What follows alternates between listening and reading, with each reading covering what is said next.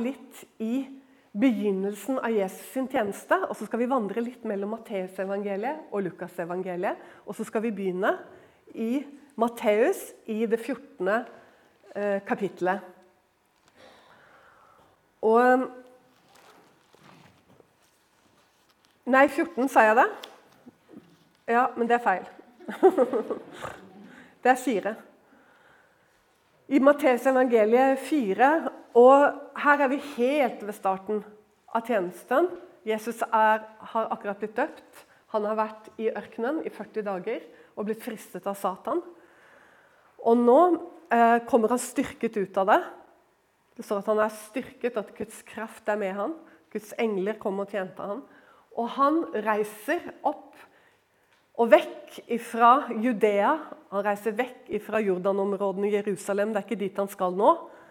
Men han er jo helt fra sin fødsel og før sin fødsel så nøyaktig i overensstemmelse med det som var talt ved profetene før han kom. Så Derfor så må han til det mørke Galilea. Og da er vi allerede med en gang rett inn i Jesaja 9. Du bør ikke gå dit, men derfor han skal opp. Og han kan ikke gjøre noe annet enn det som er talt og forutsagt om han, For han skal opp for å være et lys for det mørke Galilea. Sant? Husker dere den fantastiske profetien? Galilea, sant? Det skal ikke alltid hvile i mørket, men et lys skal gå opp over Galilea, over Sebulon og Naftalis områder. Han vil opp eh, til han vil ikke til Nasaret. Han drar ikke hjem til hjembyen sin, men han skal ned til Naftalis område, ned til Tiberiassjøen, til Genesaretsjøen. Så han bare, han bare vandrer fra Nå går han inn i tjenesten, inn i oppfyllelsen av ordet. Videre inn i oppfyllelsen av ordet. Og han begynner å lære i synagogene. Og jeg regner med at han kanskje begynner i Kapernaum. Jeg har alltid hatt sånn følelse at det er det første stedet han går inn. Bør ikke å stemme, og det er ikke viktig, men det han gjør, er at han begynner med å lære i synagogene i Galilea. Han reiser fra landsby til landsby. Og I 17. verset så står det fra den tid begynte Jesus å forkynne og si Omvend dere, for himmelens rike er kommet nær. Og det er sånne ting, Noen ganger vet du, Vi har lest ting så mange ganger at vi nesten ikke Vi, vi tenker Og det er ikke noe rart, det er bare sånn det er. Fordi vi leser i Bibelen, og sant, vi har lest det før. Og alt virker så naturlig for oss. Men ofte hvis vi lar Den hellige ånd få tale til oss, og vi leser sakte, så er det ikke alltid så naturlig, det som står der. Og Det er heller ikke spesielt naturlig å gå inn i synagogen og si 'omvend dere, for himmelriket er kommet nær'. Um, hadde, du, liksom, hadde, han stått at han sto og talte sant, ute i, uh, ved Genesaretsjøen og, og talte til folket, litt sånn som du ser Johannes, sant? som står og mer sånn roper til folkemassene at uh, det samme egentlig, Guds rike er kommet nær. Omvend dere. Men Jesus går inn i synagogene og taler eh, omvendelse. Og så kan vi tenke at det er jo ikke så rart, da. Altså, det, er jo, det, er jo, det, er jo, synagogene. Det er jo ikke Det hadde vært rarere hvis han gikk inn i en kristen menighet og sa 'omvend dere'. Men det er ikke det. Det er ikke noe rarere. Det er like eh, Det er like Jesus begge deler. Det siste vi har fra Jesus i Johannes' åpenbaring, det er at han taler til syv menigheter. Og til de syv menighetene så er det fem av dem hvor han taler omvendelse. Til fem av syv menigheter så roper han omvendelse til de menighetene. Og egentlig mer salt på mange måter enn han gjorde inn i synagogene. Det er sånn Du føler at han var mer forsiktig der enn når han roper til sin menighet, som tro på han og tok imot han bare noen tiår etter at han eh, var reist hjem til Faderens trone. Så jeg bare vil at dere skulle liksom legge merke til det. Og så skal vi gå inn i et eksempel av at dette skjer. For nå har han vært i Kapernaum han har vært i noen andre landsbyer. Det er fortsatt tidlig i tjenesten. Så kommer han hjem til hjemsynagogen sin i Nasaret. Og det finner du i Lukasevangeliet, i det 14. kapittelet. Nei, jeg er helt opphengt i 14 i dag. det er litt morsomt, fordi det er Matteus 4. Nå er det lett for deg å huske. Og det er Lukas 4. Ingen kommer til å glemme hvilke kapitler jeg talte over i dag. Det er i hvert fall ikke 14. Og Så her, ja. Og der står det at han kommer av sedvane. For han var vant til å gå i denne synagogen, og de hadde nok kanskje ikke sett han på lang tid. Det kan godt hende. For Vi vet ikke helt hvor langt inn og hvor lenge han har vært rundt i Galilea. Så Det kan godt hende en god stund siden de har sett han, men allikevel så kommer han av sedvane, for han har vokst opp der. Og han kommer inn i synagogen sin, hjemmenigheten sin. Og så reiser han seg for å tale, og så gir de han eh, profetrullen til Jesaja. For, og, og du, Det er så interessant at de gjør det. For det er jo i Jesaja at Messias-profetiene, de, de, største og sterkeste og mest kjente, ligger i denne Jesajas-rullen. Sånn at eh, de har hørt, vet du. De har begynt å høre rykter om han. Og de vet hva han har gjort, og hvilke tegn og hvilke store ting som skjer rundt tjenesten hans. Dette har de hørt. Så de er utrolig nysgjerrige på han. Og hva som har skjedd, og hva er dette her, og hva skal vi tro? Og, og ryktene har gått. Og så finner han det sted, og det er jo Jesaja 61. Og for jødene den dag i dag så er jo dette en av de sterkeste og viktigste Messias-profetiene. Eh, og det er Jesaja 61. Og så begynner han å lese. Og jeg, Nå leser jeg fra Lukas da, og ikke fra Jesaja. Og De ga ham profeten Jesajas bok, og da han slo boken opp, fant han det sted hvor det var skrevet Herrens ånd er over meg fordi han har salvet meg til å forkynne evangeliet for fattige. Han har utsendt meg for å forkynne fanger at de skal få frihet, og blinde at de skal få syn, for å sette undertrykte i frihet. For å forkynne et velbehagelig år for Herren. Og han lukket boken, og han ga den til tjeneren, og han satte seg og alle som var i synagogen, hadde sine øyne festet på ham. Han begynte da med å si til dem, i dag er dette Skriftens ord oppfylt for deres ører. Og alle ga ham vitnesbyrd og undret seg over de livssalige ord som gikk ut av hans munn. Og de sa, er ikke dette Josefs sønn? Og han sa til dem, dere vil vi si til meg dette ordspråk, lege, leg deg selv. Hva vi har hørt at du gjorde i Kapernaum, gjør det også her på ditt hjemsted. Men han sa, sannelig sier jeg dere, ingen profet, profet blir vel mottatt på sitt hjemsted. Og i sannhet sier jeg dere, det var mange enker i Israel i Elias' dager, den gang da himmelen ble lukket for tre år og seks måneder, da det ble en stor hunger over hele landet. Og til ingen av dem ble Elia, Elias sendt, men bare til en enke i Sarepta i Sidons land. Og det var mange spedalske i Israel på profeten Elias' tid, og ingen av dem ble renset, men bare syreren Naam. Jeg bare stopper der. Det er helt eh, du, Bare tenk på denne situasjonen. Her har de ikke sett Jesus på lenge. Og han kommer, og han går bare rett inn i den Messias-profetien som de alle kjente, og som var mye lenger enn dette her. Han stopper midt i profetien. Midt i profetien. Han bare lukker boken og setter seg og sier i dag er dette Skriftens ord oppfylt for deres ører. Så setter han seg ned. Og så kommer reaksjonen. Først så er det det som det står at de var litt sånn slått av de livssalige ord, står det. Som, altså, som, var, som kom gjennom hans munn. Men så kommer reaksjonen. Sånn. Er ikke dette Er ikke dette Josefs sønn?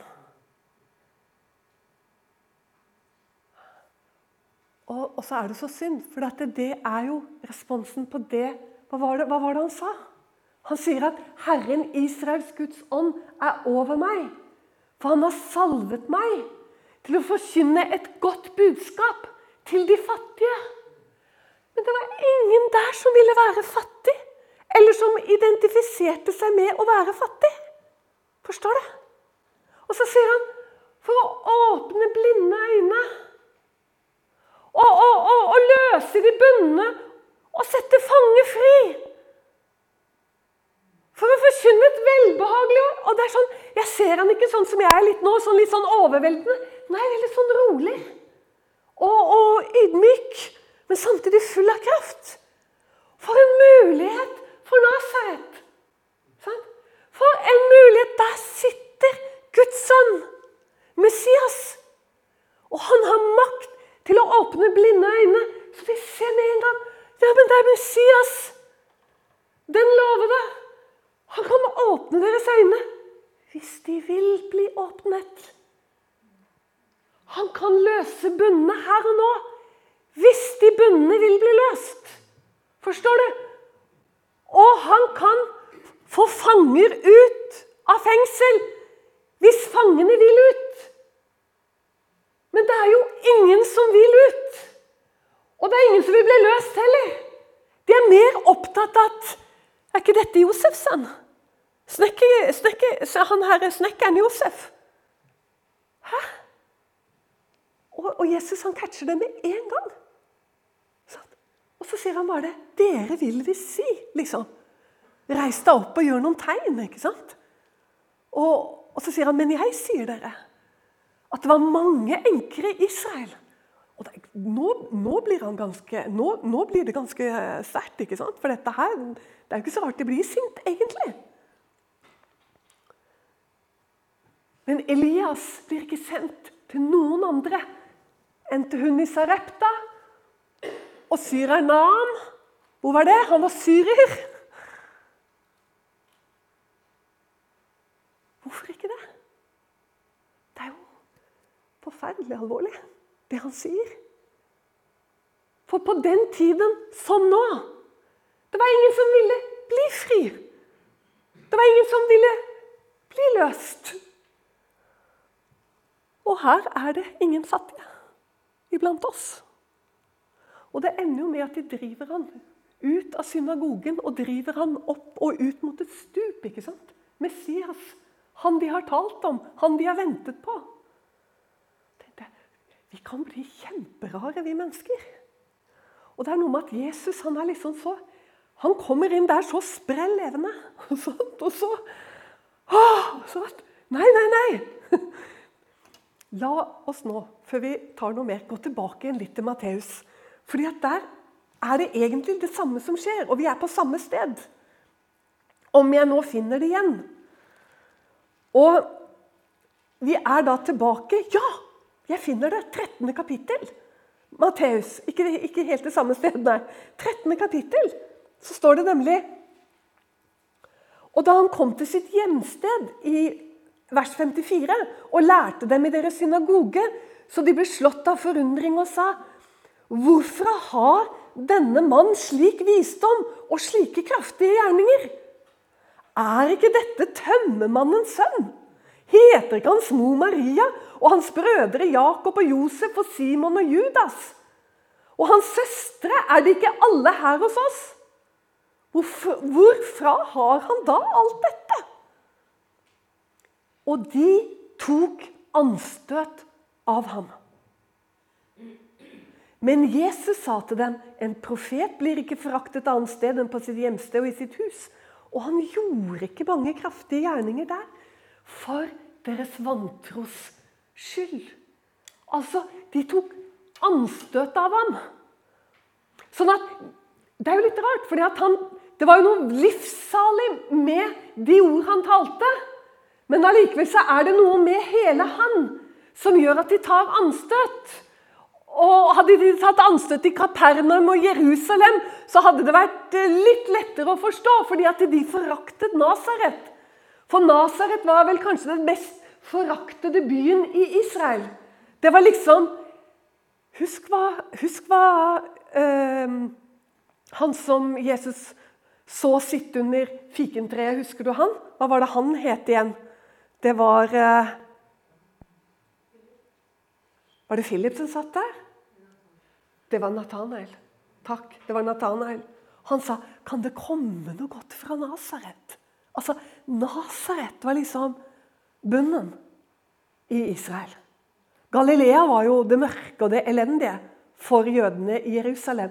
Og Nasaret var sånn Du tok ikke i det, liksom. Det var elendig. Det var virkelig hedningenes Nasaret.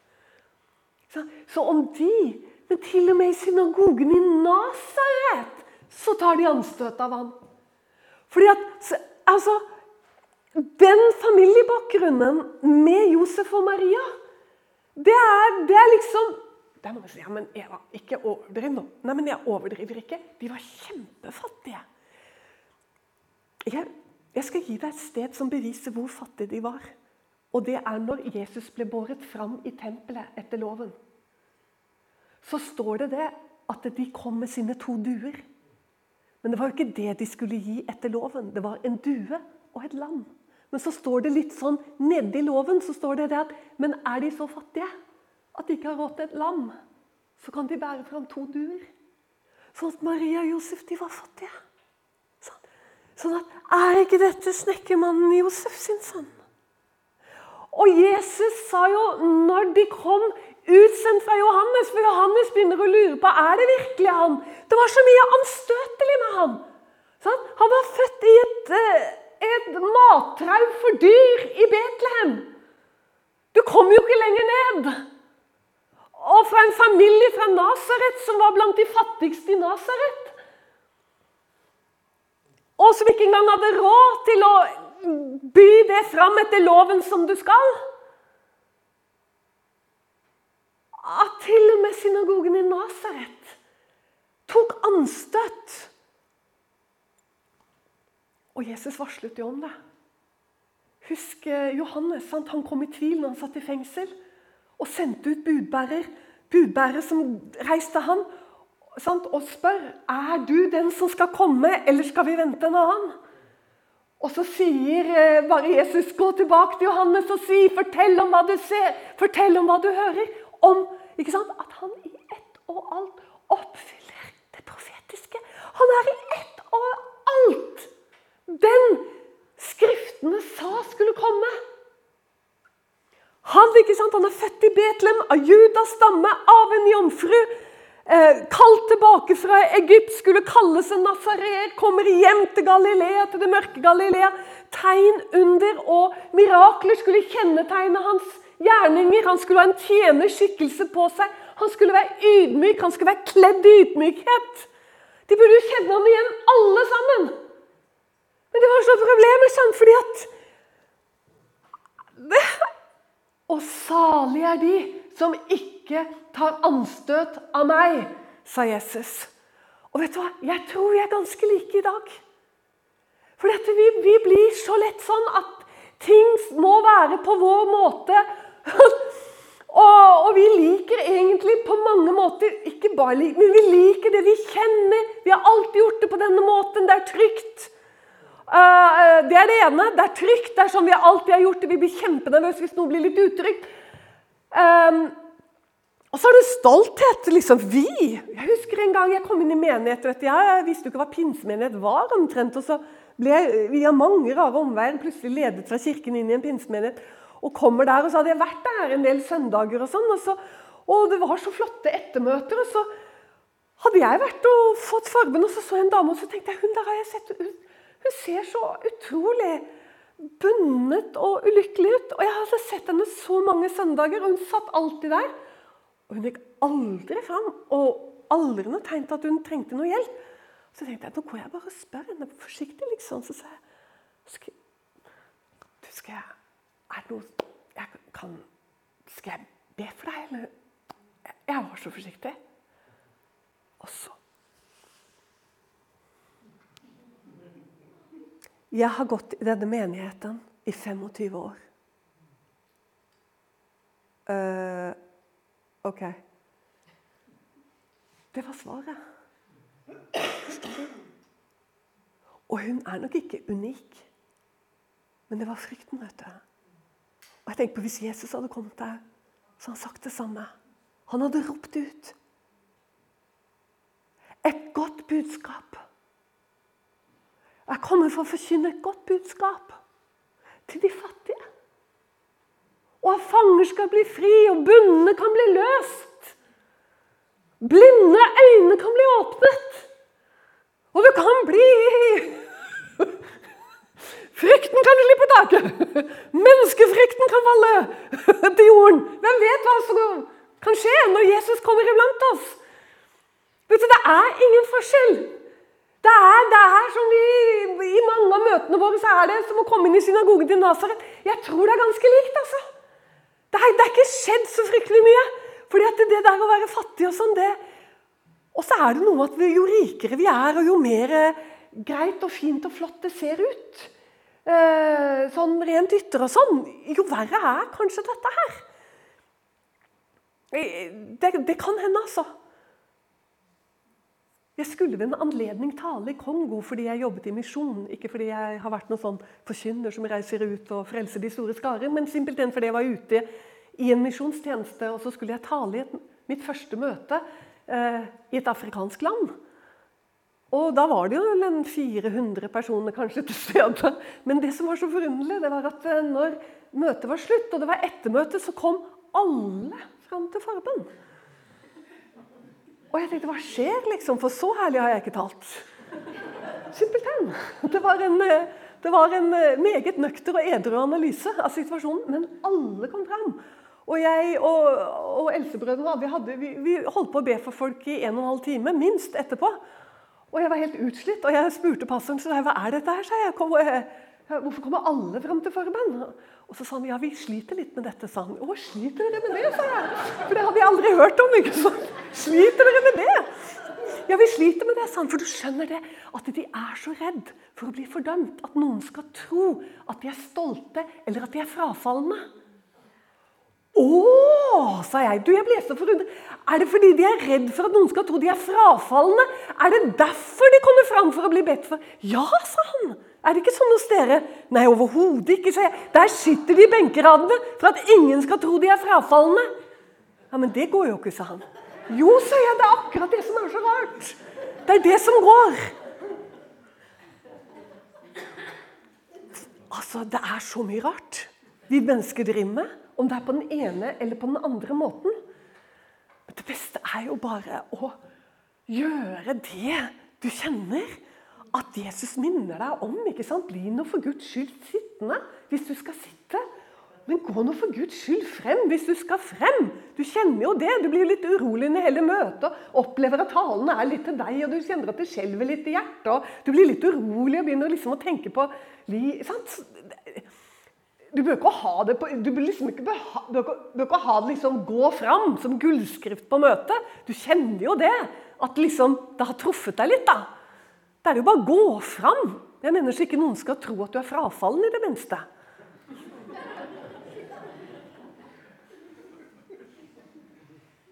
Vi er kjemperare.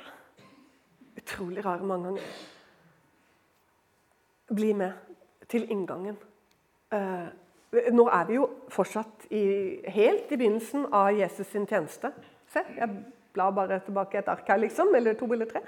Og I femte kapittel, og det er jo så kjent at vi nesten blir litt blinde når vi leser disse ordene her i Matteus i det femte kapittelet. Det, det, vet du hva? det er en fare for å ha lest ting så mange ganger at man blir rett og slett litt blind.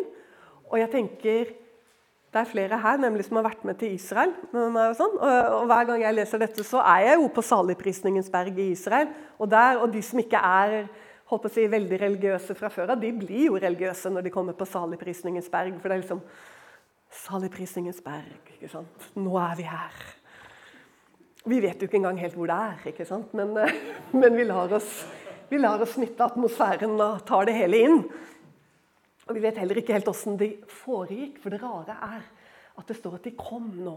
For nå har ryktet gått, og de kommer fra Syria, de kommer ifra Eh, de kommer ned fra eh, bygder eh, og områder fra de libanesiske områdene. Så kommer de fordi de hører om at det er hjelp å få. Syke, lamme, halte ulykkelige av alle slag samler seg rundt Jesus. Og det er ikke bare én gang at Jesus etter at han har stått og betjent lenge, så stikker han av. Opp i fjellet, har du sett det? Eller så setter han seg i båten og ror over til den andre siden. Men da kommer de noen ganger etter han. Og det er egentlig litt den settingen nå også. For nå har de flokket seg rundt ham, og så står det at han går opp i fjellet. Og så står det at disiplene kommer etter ham. Og han begynte å lære dem. Og bergprekenen, det er lære. Og den åpningen den er bare så fantastisk. Og da han så folket, gikk han opp i fjellet. Og da han hadde satt seg, kom hans disipler til ham. Ser du? Så vi vet ikke engang helt settingen på saligprisningene og hvordan det foregikk. Vi som trodde at det var de store skarene. Vi vet ikke om det var det. Men samme kan det være. Og han opplot sin munn, lærte dem og sa Salig er de fattige i ånden, for himmelens rike er deres. Altså, det var ikke bare synagogen i Nasaret. Forstår du? Når han innleder i synagogen når han taler fra Jesaja og sier at Herren Israels Guds ånd er over meg fordi han har salvet meg til å forkynne et godt budskap for de fattige i ånden. Og nå igjen Ja, men hvem Er det liksom Der sitter de fattige i ånden, og der er de som ikke er fattige i ånden, som liksom sant? Men det Jesus sier, er at de som forstår at de er fattige i ånden Det er det han sier. Og salig er de, for Guds rike er deres. Du skjønner, Det som alltid er skummelt når vi har med Jesus å gjøre, det er nemlig dette her at vi Det er faktisk sånn som i Kongo. Kongo har helt rett. Vet du hva? De har mer rett enn oss. De har mer rett enn oss. For det som er skummelt med Jesus, det er at du ikke er blant de fattige. Og du er ikke blant de bundne. Skjønner du? Det går igjen hele Nytestamentet og gjennom fire evangelier. Jesus sa jo til og med ikke sant? Dersom det, Han snakket om de som var blinde, og som ble seende. Og så snakket han om de som mente at de ikke var blinde. Og nå blir dere blinde, sier han, fordi dere tror at dere ser. Altså, Jesus er helt fullstendig i overensstemmelse med seg selv. Hele veien. Salig. Hvem vil ikke bli salig? Jeg mener, hvem vil ikke bli salig? Det er de som er fattige i ånden. Nei, Eva, det er ikke de som er fattige i ånden. Det er de som ser og forstår at de er fattige i ånden. Problemet for oss alle, og sikkert langt utover her og sånt, for kristenheten, tror jeg nesten vi kan si, i det ganske land, det tror jeg er at vi absolutt ikke identifiserer oss iblant de fattige. Men det er innmari dumt. Fordi det er jo nettopp for de som ikke får det til. Ja, men Eva, vi har jo blitt frelst, og nå får vi det til. Får du det til? Sånn. Gud har lagt den rike kraften ned i lærkar. For at den rike kraften ikke skal være av oss, men av ham. Så vår stilling er fattig. Og når vi på en måte er der, så er vi så trygge. Fordi at Guds rike, eller himmelens rike, er ditt. Er ditt. Men det er jo det vet du, at vi liker ikke å være fattige, og vi liker ikke å være fattige i ånden. vi liker å få det til. Vi liker å ha det på stell. Og vi organiserer, og vi ordner, og nå må vi sette i gang på nytt. Og, nå, og vi, jeg vet hva, jeg tror at det vanskeligste med oss er jo ikke svakheten vår. Det vanskeligste med oss for vår Herre, i den grad han har vanskeligheter, og det tror jeg han har,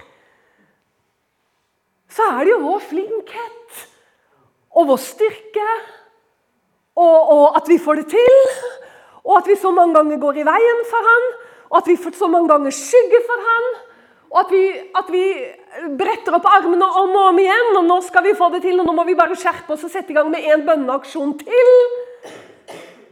For han ser det på en annen måte.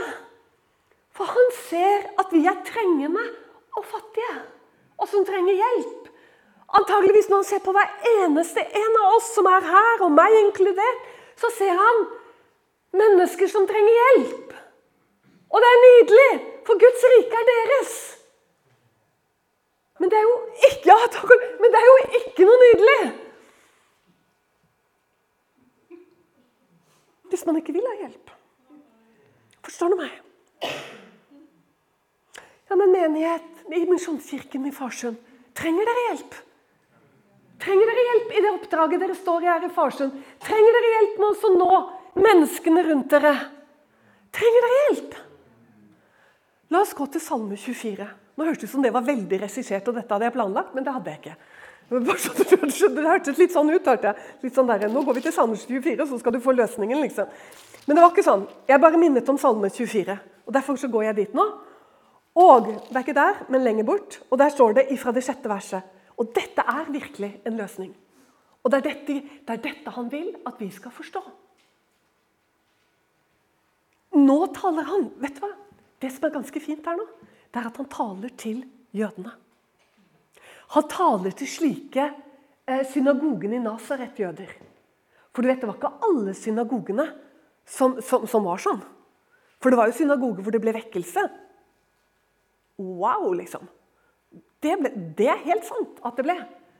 Men dette er en sånn synagogen i Nasaret-menighet. Og, og, og det er skrevet til nettopp inn i den settingen som er levende til stede den dag i dag. Faktisk. Og Det er så rart når du er blant religiøse jøder. Erlend og meg har ved flere anledninger fått muligheten til å bo iblant dem, gå i synagogen sammen med dem, og også fått oppleve den derre stengtheten i forhold til han. Jeshua Hamashia.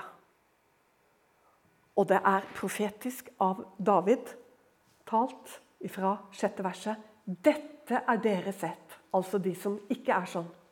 Dette er deres ett, som spør etter ham, de som søker ditt åsyn, Jakobs barn, Sela.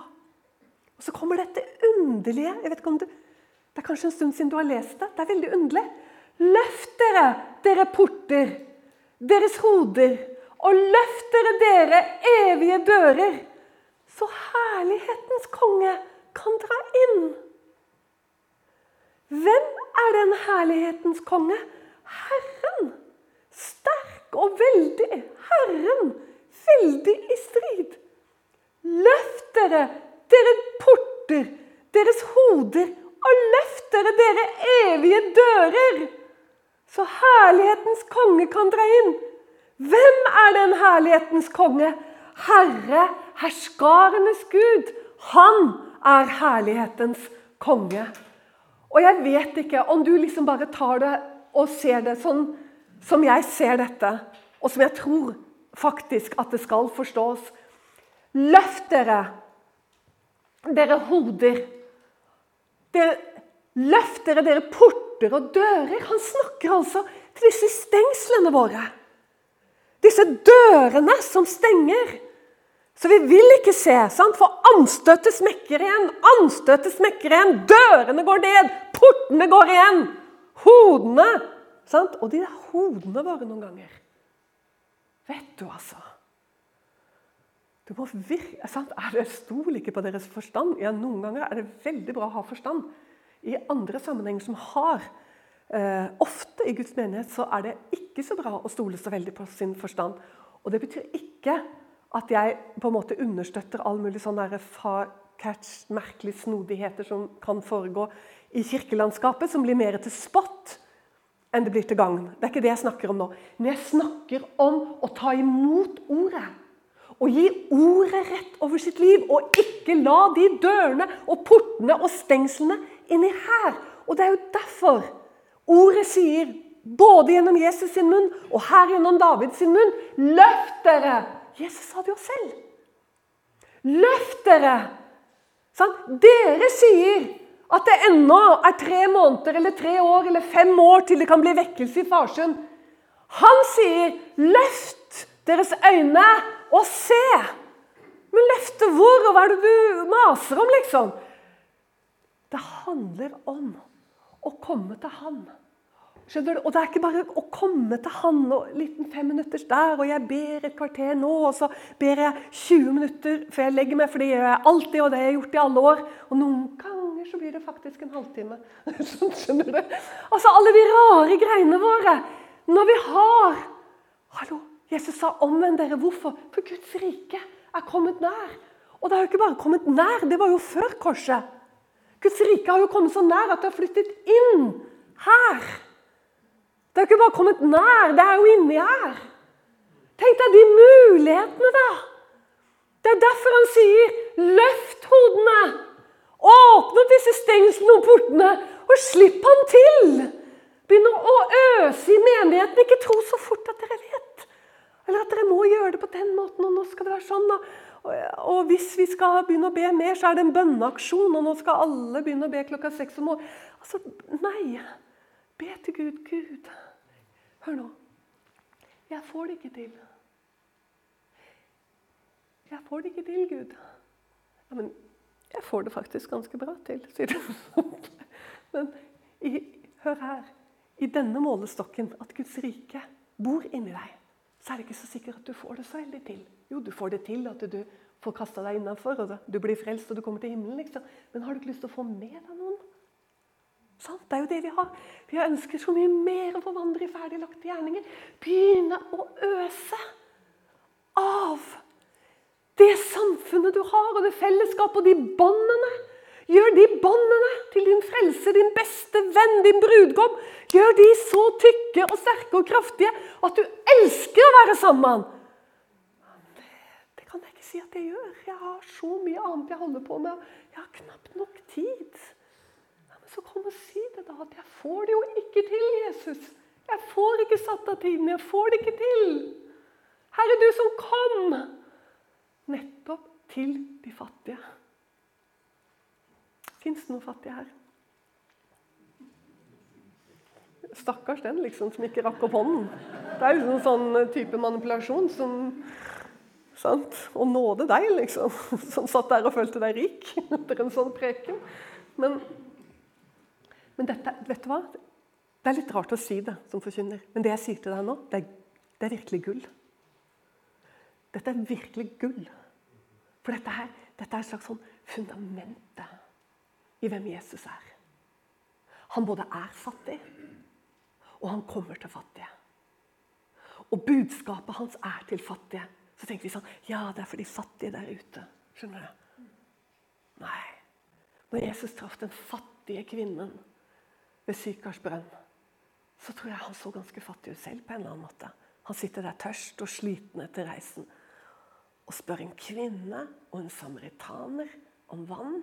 Kanskje han så sotet ut og skjegget ut og skitten ut. Vet du hva, Det forundrer meg ikke i det hele tatt. Han identifiserte seg sann med de fattige.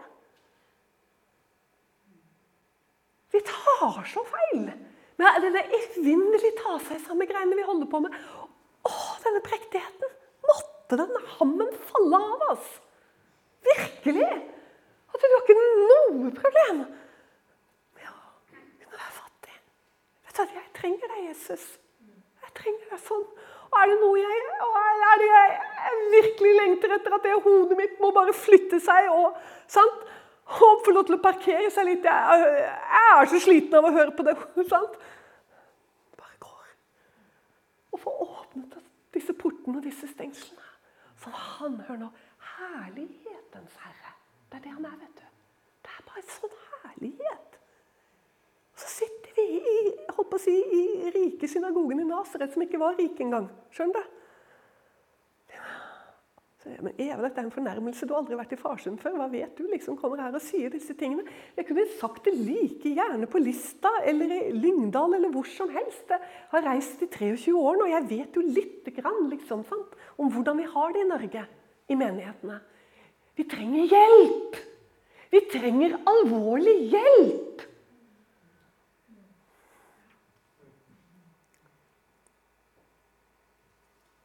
La oss bare reise oss opp. Jeg tror vi bare reiser oss, Så kommer lovsangerne opp. Og så vil jeg bare be litt. Stå med oss økonomisk og i bønn. Du finner oss på utentvil.com.